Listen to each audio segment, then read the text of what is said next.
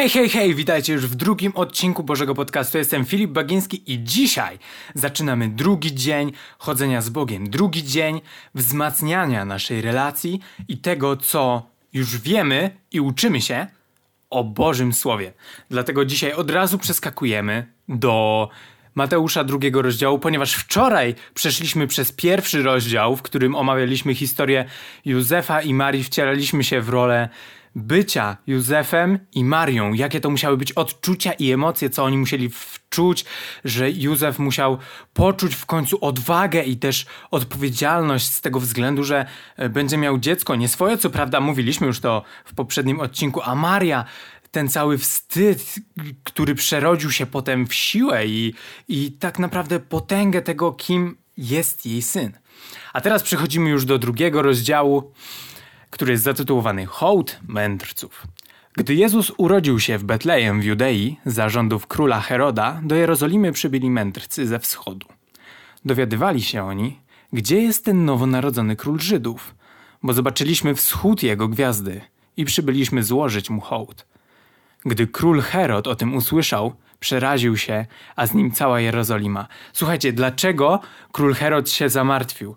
Król Herod był trochę taki takim zadufanym w sobie królem, który myślał: hej, ja nie chcę mieć żadnego konkurenta ponad siebie, żadnego króla, ale większość ludzi w tamtych czasach znała nie tylko Biblię, bo Biblii jako takie jeszcze wtedy nie było, wtedy były różne zwoje, różne przechowywalnie tych zwoi i tak dalej, to wszystko było w świątyniach.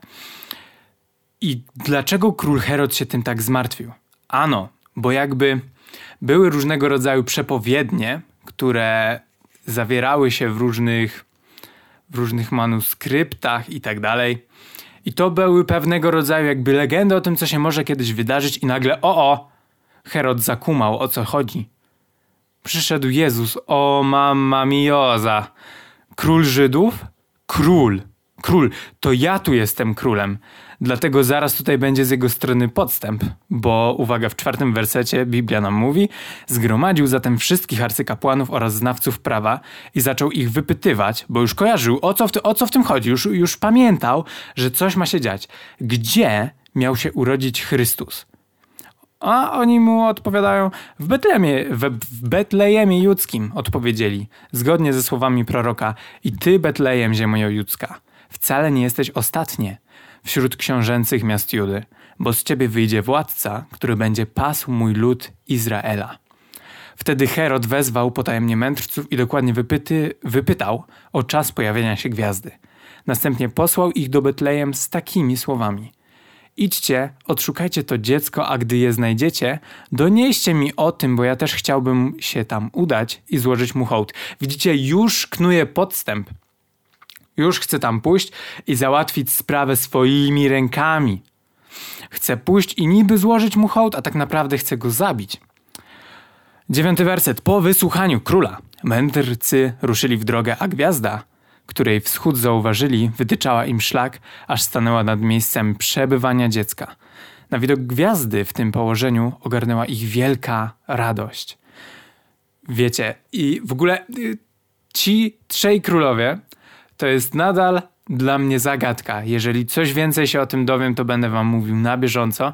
Skąd oni się w ogóle wzięli? Oni nagle, e, ej, jest Chrystus i chodźmy mu złożyć dary. Tada! Tam będzie potem złoto, kadzidło i mirra. E, doszedłem do takich informacji, że nie wiadomo, czy to do końca było złoto, kadzidło i mirra, czy to nie były jakieś inne rzeczy. Ale to też są wszystko tylko, tylko domysły. Weszli zatem do domu, spotkali tam dziecko wraz z jego matką Marią. Upadli przed nim w pokłonie, a następnie wyjęli swe skarby. Złożyli mu w darze złoto, kadzidło i mirrę. Ostrzeżeni zaś we śnie, aby nie wracać do Heroda, wrócili w swoje strony inną drogą. Ale widzicie, jeżeli wykonujecie to, czy wykonujemy to, co Bóg dla nas ma, to Bóg zatroszczy się o nasze bezpieczeństwo. Oni robili dobre rzeczy dla Boga. Oni chcieli od razu uhonorować Jezusa, nawet jeżeli on tego nie pamiętał, bo jak wiemy, dziecko pamięta dopiero od trzeciego czy czwartego roku życia. I oni zostali ostrzeżeni, żeby nie wracać do Heroda. Dzięki temu nie wyjawili miejsca przebywania Jezusa, ale też sami jakby mogli zostać zabici za to, co zrobili, albo jeśli nie chcieliby, no to któryś z nich mógł stracić życie, więc Bóg w swojej mądrości ostrzegł ich po prostu wcześniej. Trzynasty werset. Po ich odejściu anioł Pana ukazał się we śnie Józefowi i polecił: Wstań, weź dziecko oraz jego matkę i uciekaj do Egiptu. Tam czekaj na dalsze polecenia. Herod bowiem będzie poszukiwał dziecka, aby je zgładzić. I tutaj dokładnie mamy pokazany, dokładnie ten sam schemat. Józef śpi i nagle we śnie anioł go budzi. No, siema Józef, słuchaj, bo jest taka sprawa, że jak stąd nie wyjedziecie, no to może być trochę nieciekawie, dlatego mówię wam, żebyś wyjechał. Proszę, zrób to jak najszybciej, bo tak to będzie, będzie nieciekawie. Józef zatem wstał, jak to, jak to Józef, jak to dobry mężczyzna, spakował rzeczy dziecka oraz jego matki i pod osłoną nocy wyruszył do Egiptu. I słuchajcie, zaczynają się te nasze przygody. Zaczynają się. Oni z Betlejem ruszają do Egiptu, jak wiemy na tym osiołku z tych wszystkich filmów, z tych wszystkich bajek ruszają i piętnasty werset. Przebywał tam aż do śmierci Heroda, aby się wypełniło to, co zapowiedział Pan przez proroka. Z Egiptu wezwałem mojego syna. Śmierć dzieci. Gdy Herod zorientował się, i to będzie, to będzie tak smutne, ale też widać właśnie po tym czynie Heroda, który zaraz nastąpi, jaki on tak naprawdę jest w środku, jaki musi być zepsuty i jak bardzo boi się utracenia tego, co już ma.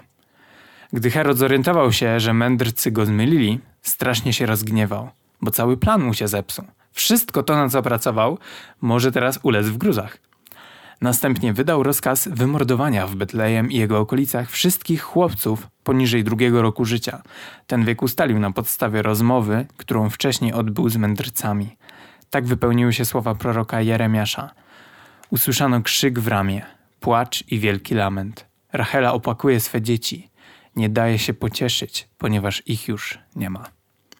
Jakie to jest smutne Herod w tym swoim gniewie stwierdził: Ej, on nie może mieć więcej niż dwa lata, więc wybijamy wszystkie dzieci. Wszystkie dzieci, które mogą być zbliżone do tego wieku. Czajcie, całe pokolenie musiało tam pójść od miecza. Dlatego tutaj jest ten osiemnasty werset. Tak, to, to było proroctwo. Usłyszano krzyk w ramię, płacz i wielki lament. Rachela opłakuje swe dzieci. Nie daje się pocieszyć, ponieważ ich już nie ma. Czajcie, mieszkacie sobie, jesteście, jesteście rodzicami. Wszystkie te emocje, miłość buzują w was i chcecie, chcecie dla waszego dziecka jak najlepiej, ale wojsko przychodzi i zabija wasze malutkie dziecko. Wasze wszystko, wszystko chcieliście dla niego zrobić. Chcieliście kochać, miłować, przytulać, i nagle tego nie ma. Ja w ogóle się nie dziwię, że Rachela płakała. Sam bym płakał. A co dopiero kobieta, która, która uczuciowo jest bardziej wrażliwa na to wszystko. I dalej czytamy. Gdy Herod umarł, anioł Pana znów ukazał się we śnie przebywającemu w, w Egipcie Józefowi. I znowu powtarza się schemat u Józefa. Wstań, polecił mu. Weź dziecko oraz jego matkę i wracaj do ziemi izraelskiej. Ci, którzy czyhali na życie tego dziecka, już nie żyją. Józef spakował więc rzeczy dziecka oraz jego matki i ruszył w drogę powrotną. Jednak zaniepokoiła go wieść, że w Judei jako następca Heroda panuje jego syn Archelaos. To go zniechęciło do udania się w tamte strony. I słuchajcie, to też jest rada dla nas, dla mnie, że jeżeli otrzymujemy coś od Boga, i wiemy, wiemy, że to jest od Boga, bo powtarza się pewien schemat, który jest zarezerwowany jakby tylko dla Boga. To musimy też to brać jakby przez nasz filtr wiedzy. I nie chodzi mi tutaj o to, aby naszą wiedzą mówić, e, to jest niemożliwe, tylko wykonać pewne ruchy do miejsca, który przeznaczył nam Bóg, ale nie bać się pytać o to. Działać ale nie bać się pytać. Bo tak jak czytamy, to go zniechęciło do udania się w tamte strony. Ostrzeżony we śnie odszedł w okolice Galilei. Więc widzicie znowu, Józef prawdopodobnie modlił się do Boga, pytał się, czy na pewno, bo ja pamiętam, że, że on będzie zły, że jego syn Archela, Archelaos jest tak samo niebezpieczny jak Herod. I czy, Boże, czy na pewno tam chcemy iść? Jeśli tak, to idziemy, ale jeśli może jest inna droga, to powiedz mi to. I to się stało. Ostrzeżony we śnie odszedł w okolice Galilei, gdzie osiedlili się w Nazarecie. W ten sposób wypełniły się zapowiedzi proroków, że Jezus będzie nazwany Nazarentańczykiem. I widzicie, tak tutaj pięknie wypełnia, zaczyna nam się wypełniać całe pismo, cały Stary Testament zaczyna zawierać się w Nowym Testamencie. To jest piękne, że cała Biblia, cały Stary Testament i cały Nowy Testament, Stary Testament y, możemy go odkrywać, jego tajemnice za pomocą Nowego Testamentu, a Nowy Testament możemy odkrywać za pomocą Starego. Wszystko jakby się ze sobą jakby nie tyle miesza, co jest ze sobą połączone w pewien sposób i informacje z Nowego Testamentu otwierają nam drzwi do Starego, a Stare otwierają nam drzwi do Nowego. I to jest, to jest tak przepiękne w Biblii, że to jest tak jakby studnia bez dna. Im więcej odkrywasz, tym więcej masz pytań i tym więcej znajdujesz odpowiedzi na pytania, które miałeś wcześniej, ale tym więcej pojawia się pytań teraz, na które znajdziesz odpowiedzi i to znowu zrodzi więcej pytań. Ale to jest w tym piękne, bo pokazuje nam przez Biblię, jaki jest Bóg, że On jest naprawdę niezgłębiony, że mimo to, że znajdziemy coś, co udowodni, hej, ja w końcu znalazłem, jakby dokopałem się i zrozumiałem to, to nadal można się przekopać głębiej. To jest tak jak ocean, ocean bez dna. Tak jak mamy rów mariański, myślimy, że to już jest koniec, a tam jeszcze więcej, jeszcze jakieś szczeliny, które prowadzą niżej i niżej i niżej. Tutaj jest dokładnie to samo. Także dziękuję Ci. Drugi rozdział już za nami. Coraz więcej. Jutro będziemy mieć trzeci, trzeci rozdział. Tutaj już się zaczną dziać niezwykłe historie, bo tutaj widzę działalność Jana Chrzciciela, ale to spokojnie, to zaczniemy jutro. Teraz najważniejsze lekcje dla nas to to, aby uczyć się w jakim języku i w jaki sposób mówi do nas, tak jak do Józefa mówi, Bóg. Jak możemy odbierać to i też nie brać od razu wszystkiego jako pewność absolutna, ale pytajmy Boga: Boże, czy na pewno? Jeśli Bóg mówi tak, na pewno, to ja mówię tak, robię to. I pamiętajcie, żeby na początku, kiedy odbieramy coś od Boga, żeby zacząć to robić, jakieś nawet dwa małe kroczki i pytać Boga. Może nie tyle, hej Boże, czy na pewno muszę, muszę, muszę, muszę, tylko Boże, może mogę to zrobić lepiej. Może mogę to zrobić efektywniej, uderzyć to z innej strony. Może Boże, jak Ty byś to zrobił?